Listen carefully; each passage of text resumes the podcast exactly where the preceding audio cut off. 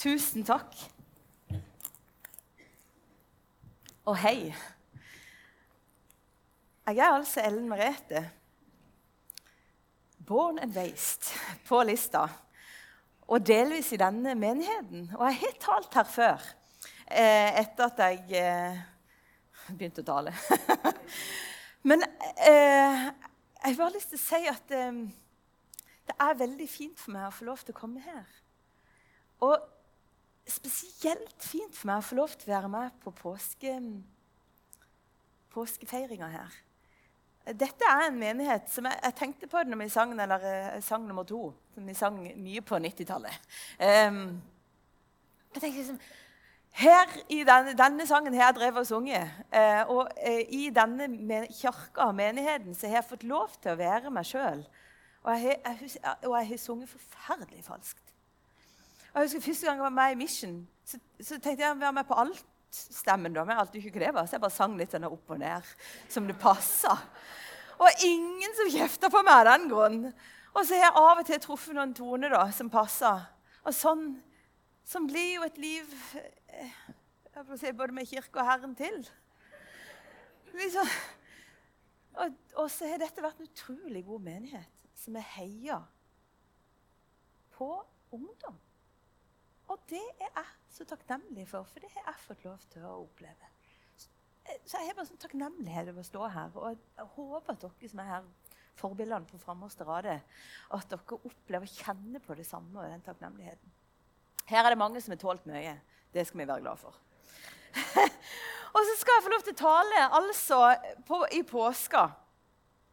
Og i kveld så er det nattverdskvelden på en måte over alle kvelder hvor det er være. Det er skjærtorsdag. Og jeg har tenkt at vi skal sette denne dagen inn i et litt sånn enda større historisk perspektiv enn 2000 år.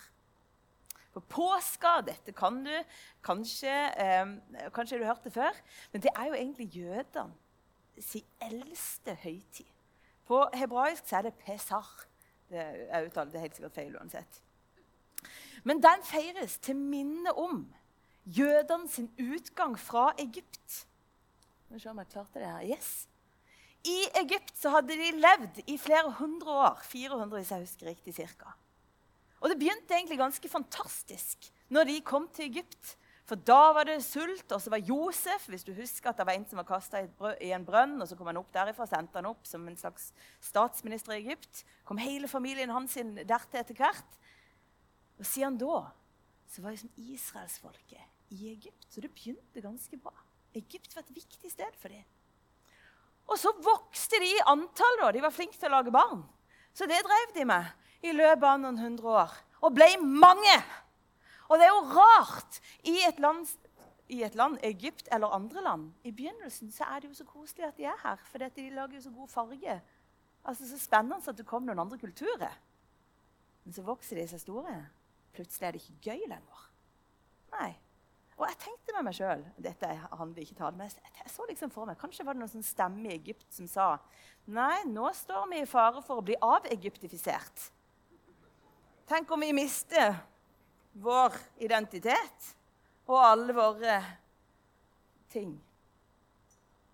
Og så begynner det noe som jeg tror at skjer fort der mennesket er, når frykten tar oss begynner det en sånn undertrykkelse. Denne gangen av israelsfolket.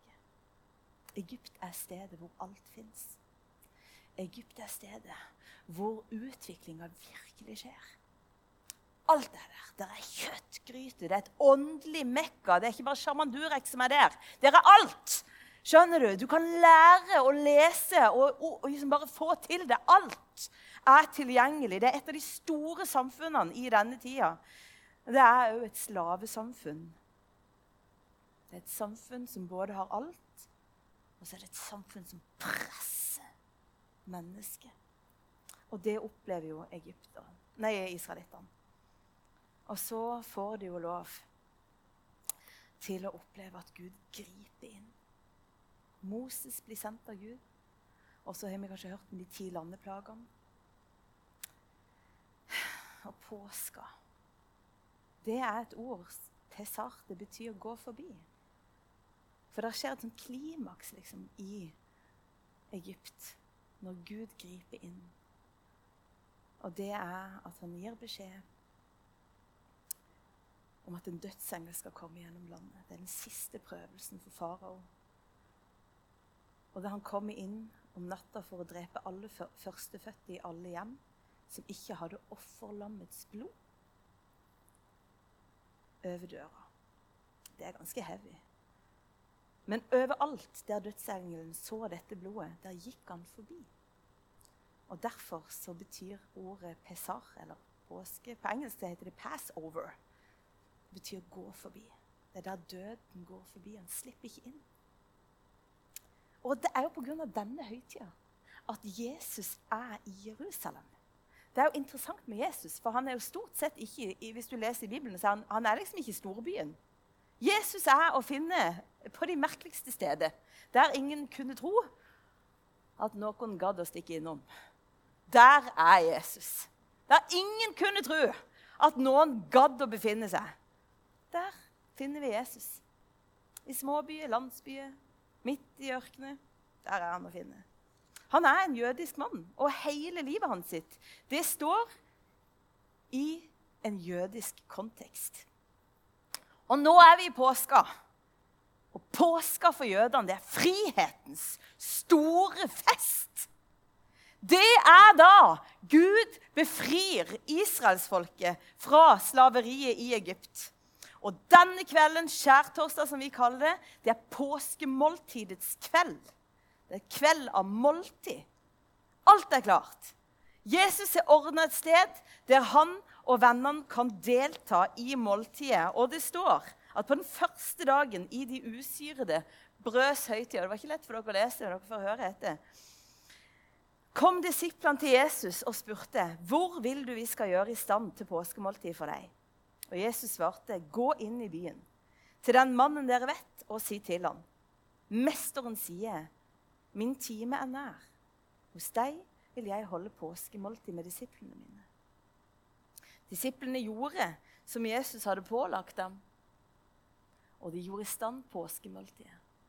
Da det ble kveld, tok Jesus plass ved bordet sammen med de tolv. Og så spiste de sammen.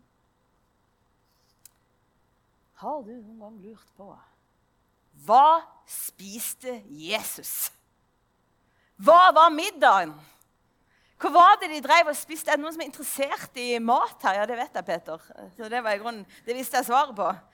Noen her inne er mer interessert i mat enn andre. Det de hadde, var et minnesmåltid. De hadde et minnesmåltid, og et minnesmåltid det er et måltid som ikke handler om å huske. Nå husker vi på alt sammen. Men det ordet for å minne det betyr at vi henter fram kraften av det øyeblikket som var. Og så går vi inn i den situasjonen det er akkurat som om de tenker at nå opphører all tid. Nå er det vi som blir satt fri ifra slaveriet. Og det var det de pleide å si til hverandre. Så sa de det var meg som ble satt fri fra Egypt. Det var meg som fikk oppleve at dødsengelen gikk forbi. Det var meg som ble leda ut. Og nå skal jeg bare gi deg en utfordring for denne påska. Kan vi tenke det sammen? At vi driver ikke bare og husker noe som har skjedd, det er noe til oss i dag. Det var meg. At vi skulle ta den jødiske tradisjonen og tenke det er meg som fikk oppleve at Gud griper inn. Det er meg som får oppleve at han trosser alle makt og myndigheter for å føre meg ut. Er det OK? Kan vi ha en sånn tanke? Bra. Det er et minnesmåltid. Og I jødisk tradisjon så sier det altså at enhver skal se på seg selv som om han eller hun var med på utgangen fra Egypt. Og måltidet, det var når Jesus var der, som nå fortsatt når jødene markerer dette måltidet. Så er den yngste rundt bordet. Og Jeg vet ikke hvem det var sammen med Jesus. til Kanskje var det Johannes, kanskje var det noen barn her. det vet vi ikke. Men den yngste skal spørre den eldste. Hvorfor er denne natta annerledes enn alle de andre nettene? Og da begynner den eldste å forklare. Og hvordan forklarer han det? Jo, gjennom maten de spiser. Fordi at de spiser et måltid som har en historie. Og nå skal du få høre ingrediensene på det jødiske måltidet. De har usyra brød. Kanskje har du hørt at det kalles de usyrede brøds høytid. Og Hvis det er usyra, så betyr det at det ikke er et gjær i det. Hvorfor var det usyra? Jo, det skal jeg fortelle deg. Det er fordi at de hadde ikke tid til å sette en gjærdeig før de skulle ut av Egypt. De måtte bare klabbe i hop det de hadde. De måtte ta mel og vann, blande sammen full fart, og i løpet av 15-18 minutter så fikk de stekt noen brød, veldig tørre. Og når jeg leste hva dette smakte, eller noe det er blitt sammenligna med, så tenkte jeg nei, det hørtes ikke noe godt ut. For det ble sammenligna med noe som heter kapteinkjeks. Og det var den vondeste kjeksen på bordet da jeg var liten. Så kapteinkjeks det er bare tørt. Smaker ingenting. Og det var det på en måte som er Og det lager de for å markere. Ja. Vi kan ikke alltid. Vi måtte ta det vi kunne. Med oss på ferden med Herren. Så var det òg fattigdommens brød, kaller de det. Mm. Fattigdommens brød. Det hører til på ferden med Herren. Så er det ikke alltid at man får det mest fantastiske. Det er ikke alltid at man har tid til det store luksusen, luksusen som det er å sette en gjerde og la den heve kjempelenge. Det er veldig hyggelig når vi kan det. Men det er akkurat som de sier. Vi vet det. Det er noe med det å gå med Gud som faktisk har med fattigdom å gjøre. Og ikke alltid har luksusen tilgjengelig. Det er ganske sterkt. Det forteller dette måltidet oss. Og vet du da? I kirkehistorien så har dette vært en kveld hvor det var vanlig å invitere de fattige. Han skulle minne oss om, Dette brødet skulle minne oss om at vi har en fattigdom. Vi har en fattigdom.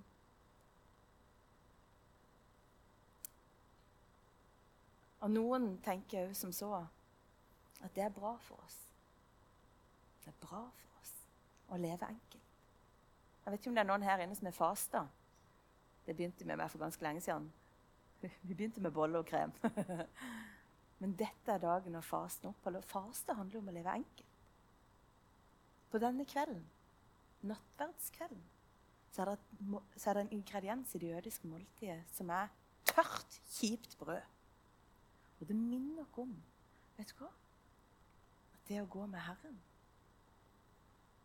Det er ikke alltid det er ikke alltid vi får den luksusen som vi gjerne skulle hatt. Det har òg noe med fattigdom å gjøre. Enkelhet.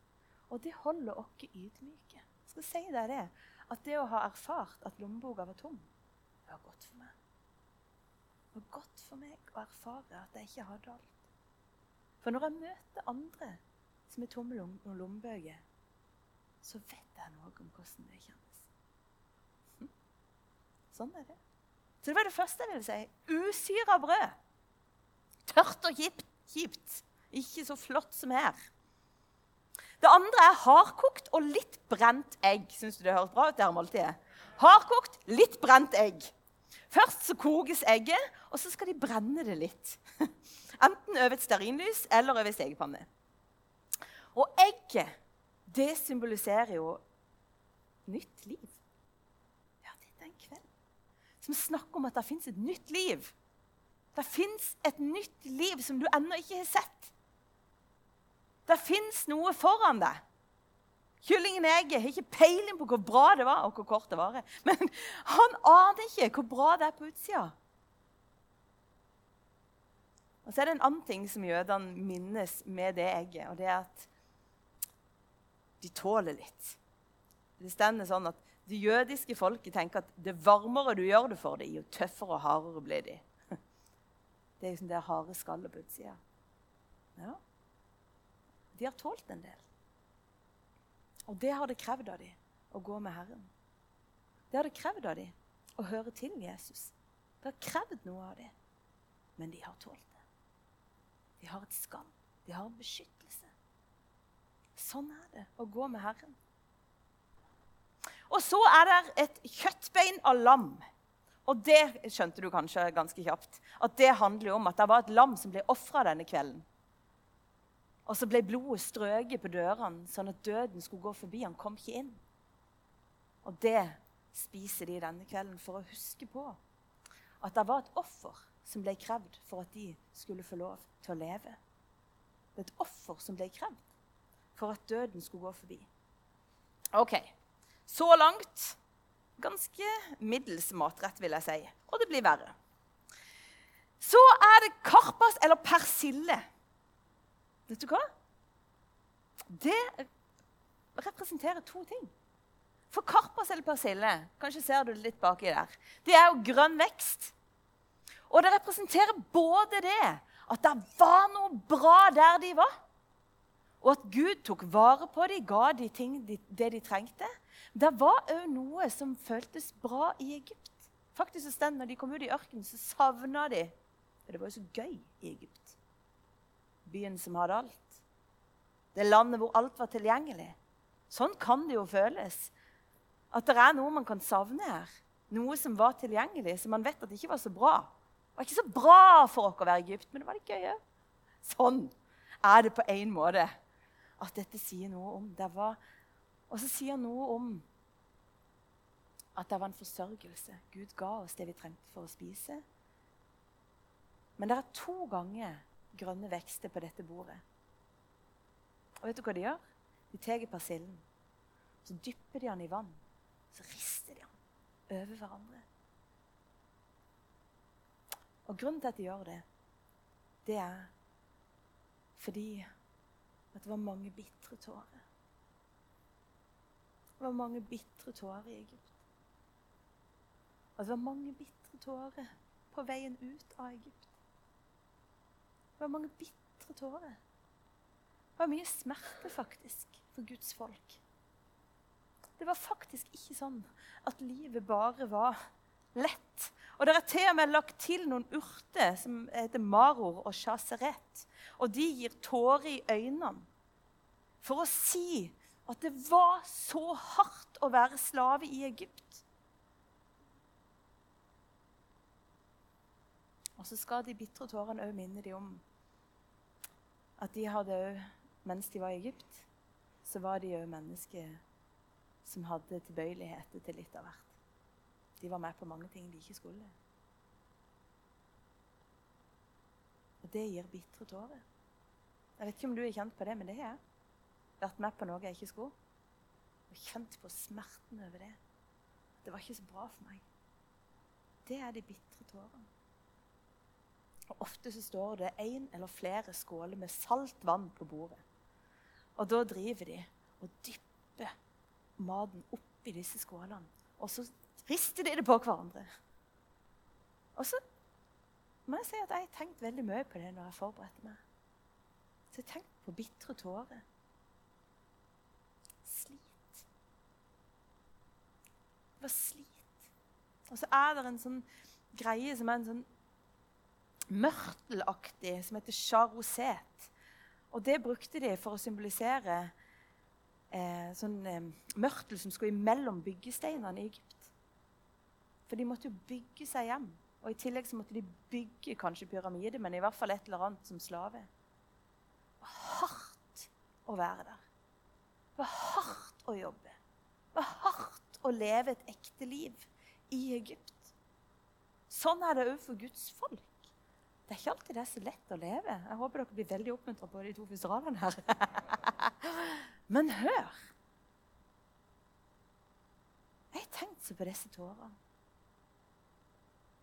Og så har jeg tenkt på at det måltidet her, det de spiser Jeg er så glad for det måltidet. Jeg er så glad for at de tar det med seg. Og På en måte så er det som om Gud sier at dere skal huske på dette. Og det er som Gud sier, jeg vet hvordan det var. Når jeg var ungdom, så var det ei, altså Det er ikke mange ting jeg husker av alle de talene jeg hørte, men jeg husker denne setninga her. Israelsfolkets vandring er et speil på vår sjels vandring. Når jeg leser om israelsfolket, så forteller det noe om meg. Og når de spiser dette måltidet, så er det som om de hører at Gud sier til dem Jeg vet at det er vonde tårer på vandringa deres. Jeg vet at det er hardt slit i livet. Jeg vet at det er smerte, jeg vet at det har vært undertrykkelse. Jeg vet at det er vonde ting som har skjedd. Og av og til er det din egen skyld, og av og til er det noen andre sin skyld. Jeg vet. Jeg vet at fattigdommen har du kjent. Og så har jeg tenkt det. At jeg er så glad for å tilhøre en Gud og tilhøre en tro som ikke bare er sånn happy, happy, joy, joy. Sånn er livet med Jesus alltid. Sånn er livet med Gud alltid. Det er alltid lett. Alltid kjempeenkelt. Nei. Dette er en kveld som rommer det at livet er litt av hvert. Livet er jammen meg litt av hvert. Og det er som om Gud med dette måltidet bare sier Det vet jeg. Det vet jeg veldig godt. Vet om dine bitre tårer. Vet om at det ikke er så lett alltid. Og så har jeg tenkt at Det står at når Jesus kommer tilbake, skal han tørke bort, hver en tåre, og det tror jeg. Og Samtidig så er det som om han sier gjennom denne, dette måltidet så sier han, ja, men la det strømme. For det du har kjent på, det er sant. Det er sant. At livet er litt av hvert. I tillegg så spises det en god middag, og da kan de velge litt. Da. Det er kjøtt eller fisk. og så spises det Men så drikkes det vin. Faktisk så er det fire beger med vin som er veldig viktig. Synes du det, kan være at du syns det er litt vanskelig at jeg skal snakke om vin.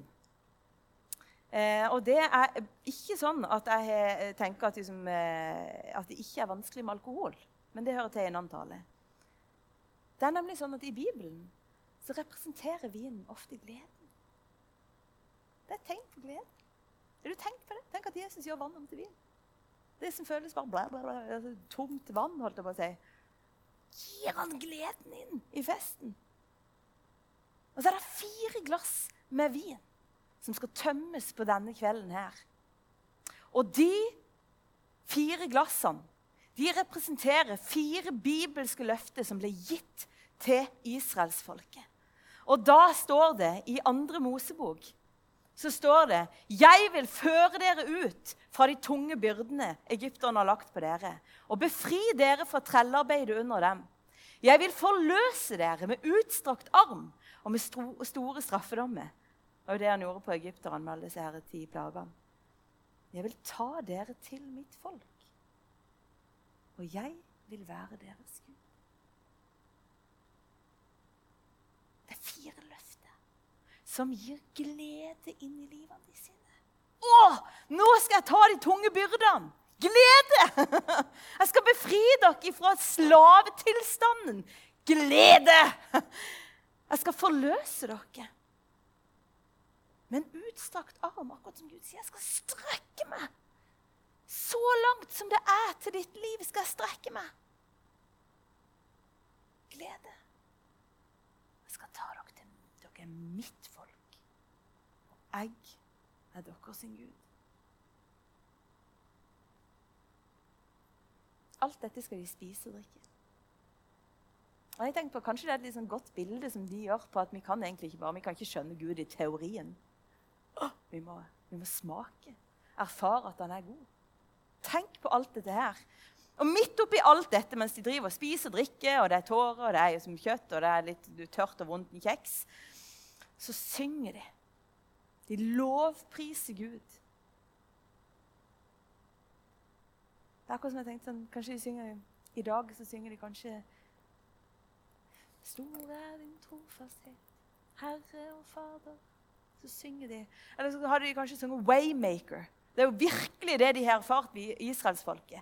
Waymaker, han som lagde vei i ørkenen, der hvor det ikke fantes noen vei. Der er han til stede. Han er den som forsørger dem med brød, som forsørger dem med lys. Han er den som lager vann ut av en fjellsprekk hvor det ikke var noen ting. Han leder dem hele veien. Waymaker, kanskje det er den sangen de synger i dag. Miracle worker. Kanskje synger de 'Så langt har du vært med meg'. Alltid vil du være der. Og nå er jeg ferdig med å snakke om mat. For jeg tenkte på hvordan var det for Jesus å spise dette måltidet og synge disse sangene rett før han skal inn i sin livskamp. Og så husker han på For han er menneske. Så spiser han, og så husker han på. De bitre tårene yes. La meg kjenner at de presser på. Mørtelen som sier ja, det er slit. Det er òg slit. Det er òg smerte. Det er til og med bitterhet i det han skal inn i.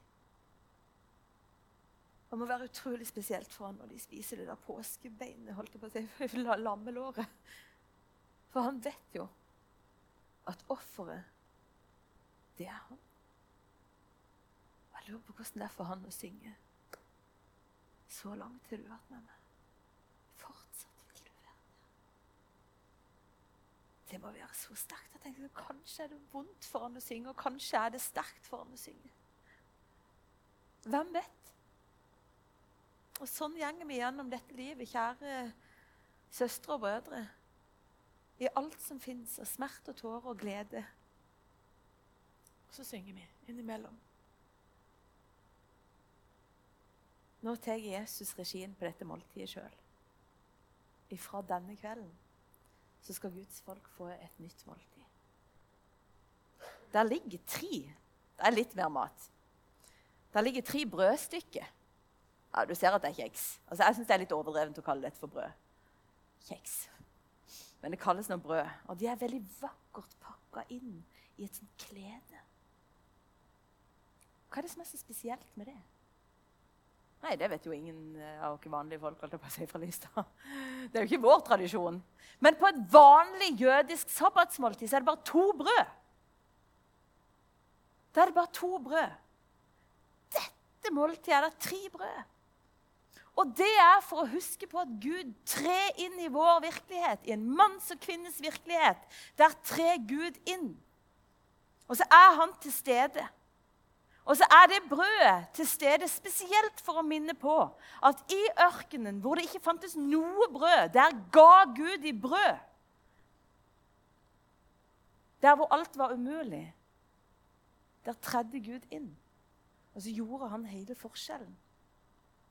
Og det brødet der, det leder de helt fram til Kanons land. Til det himmelske landet for dem. Det minner dem om at Gud er til stede. Og han gir dem alt de trenger for å komme seg dit de skal. Han har ikke latt dem være alene. Han lar dem ikke sulte.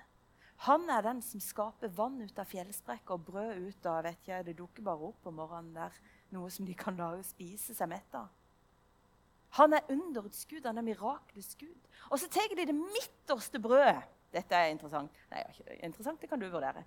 De tar det ut, og så knekker de de to. De bryter brødet. Og så tar de den ene biten, og det synes jeg var så gøy. Den kaller de for afikomen. Eller afikomen, jeg vet ikke hvordan det uttales. Den stapper de opp i en noe, et klede eller en av lomme, og så gjemmer de det. De som dekker på bordet, de gjemmer den lille biten en eller annen plass i huset. Og så er det noen andre, hovedsakelig barna, da. Så skal de gå og lete etter denne her uh, afikommen. Og det betyr det som kommer. Det vi venter på. og Det er en uh, fortelling om at det var noen jøder på, utenfor Tunisia. De hadde som skikk når de fant den der lille brødbiten som var inne i som var afikommen, da, den bortgjemte biten. Så løp de rundt og så sang de 'Messias kommer! Messias kommer!' Det som var skjult. Det som de bare gikk og venta på og venta på og venta på. Det er halvparten av det brutte brødet. Vi vet jo ikke helt sikkert. Men det kan jo godt være at det var det midterste brødet det står om at Jesus bryter. Det vet vi ikke. Men kanskje er det sånn at han bryter dette brødet For det står at han tok brødet og brøt det. Han ba en takkebønn. Og takkebønnen til jødene den er sånn Dette er fattigdommens brød, som våre fedre spiste i Egypt. La alle som er sultne, komme og spise. La alle som er trengende, komme og feire påske. Alle som er trengende, kan få komme og feire påske. Og så tok han brødet og brøyt det. Vi vet ikke om det var den midterste biten. Afikommen. Det der som ingen hadde sett før. Det som de gikk og venta på, som de leita etter. Det gjør jo jødene ennå. De leter etter, de venter på Jesus, Messias. Men Jesus tar i hvert fall et brødstykke. Det står det at mens de holdt måltid, tok Jesus et brød. Han takka og brøt det, ga disiplene og sa, 'Ta imot og spis. Dette er min kropp.' Og Han tok et beger, han takka Gadi og sa, 'Drikk alle av det.' For dette er mitt blod, paktens blod, som blir utøst for mange, så syndene blir tilgitt. Jeg sier dere, fra nå skal jeg ikke drikke av denne frukten fra vintreet før den dagen jeg drikker ny sammen med dere i min fars rike.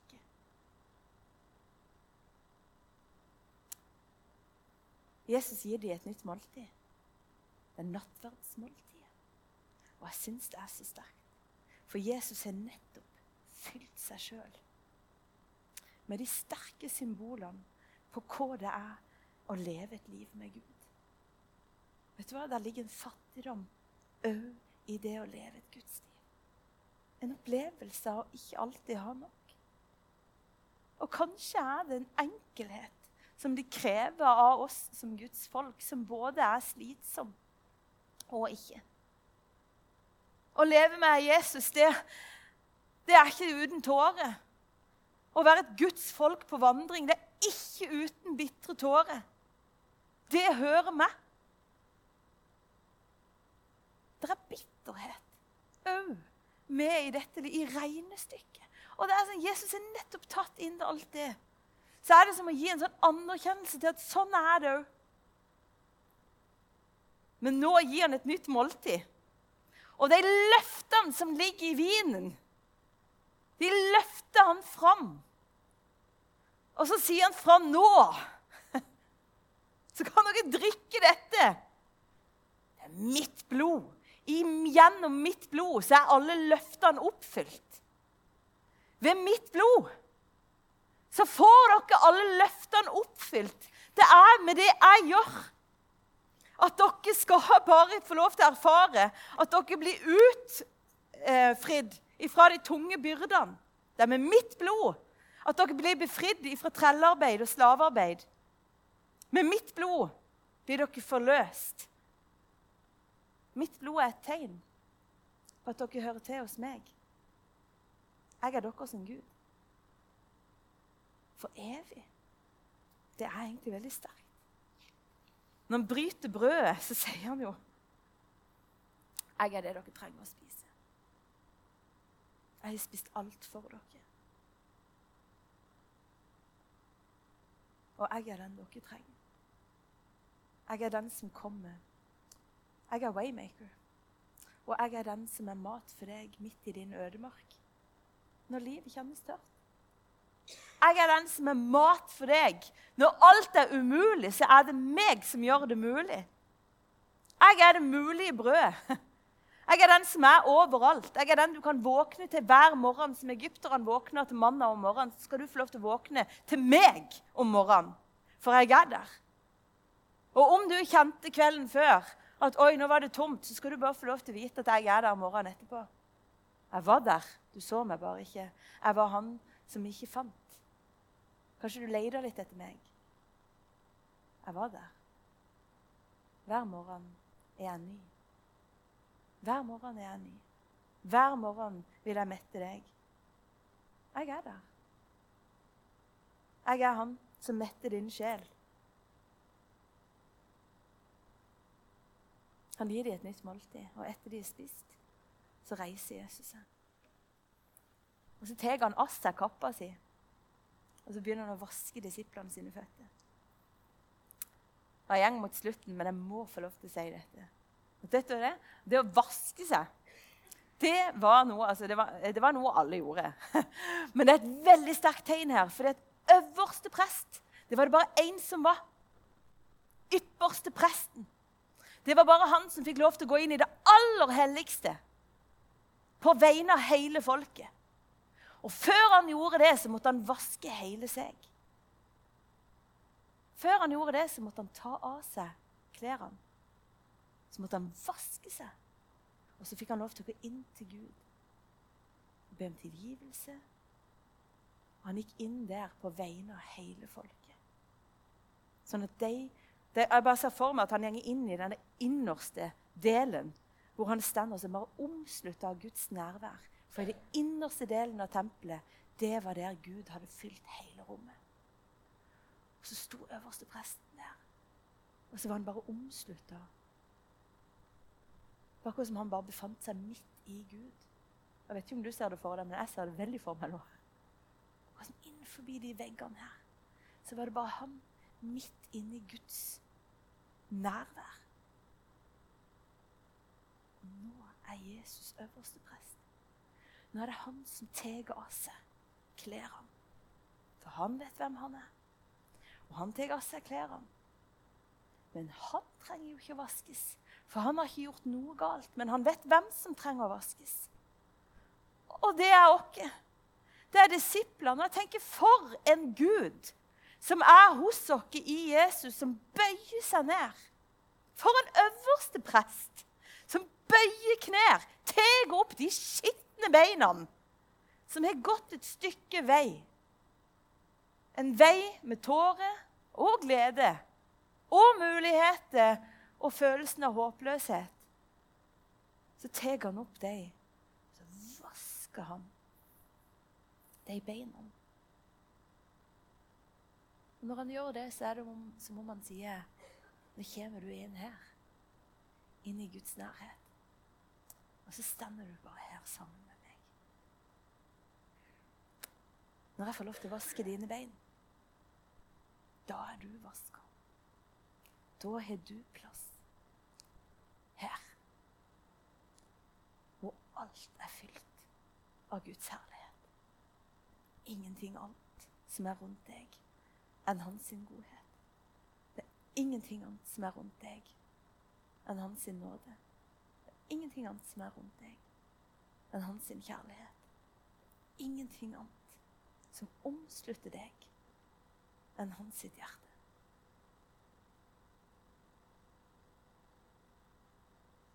Jesus han er brødet som gir liv.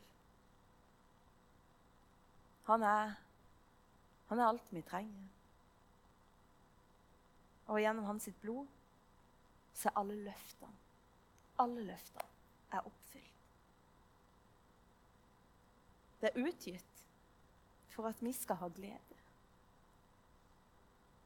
Og han anerkjenner alt vi har gått igjennom. Alt vi har kjent på. Denne kvelden vil han vaske våre føtter. Han vasker vekk noen ting. Og jeg tenker at nå får vi lov til å stå her omslutta for vår øverste prest. Han har ført fører oss inn i Guds nærvær. Og så gjør Jesus det som bare han kan gjøre. Han går ut i denne natta for å være vårt offerland.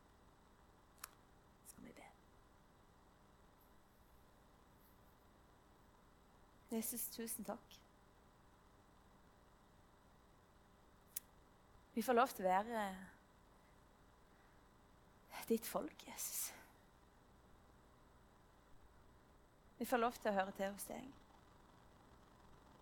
Jeg har lyst til å takke deg, Jesus, for at du er en sånn Gud som har anerkjent at livet ikke har vært lett.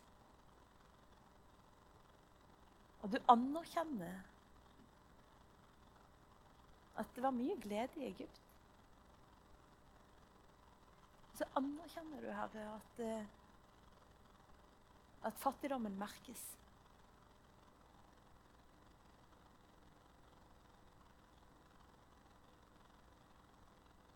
Takk for at du rommer hele livet, Jesus. Sånn som det. Og så takker jeg for at du kommer med glede. Du kommer med svar, Jesus. For du minner oss òg på at det fins brød midt i ødemarken der det ser ut til å være tomt overalt. Der kommer du med fersk vare, Jesus. Der er du alltid fersk vare. Du er alltid rykende fersk. Og du har alltid strekt deg helt ned til det stedet hvor vi er. Du har alltid strekt deg helt bort til våre liv.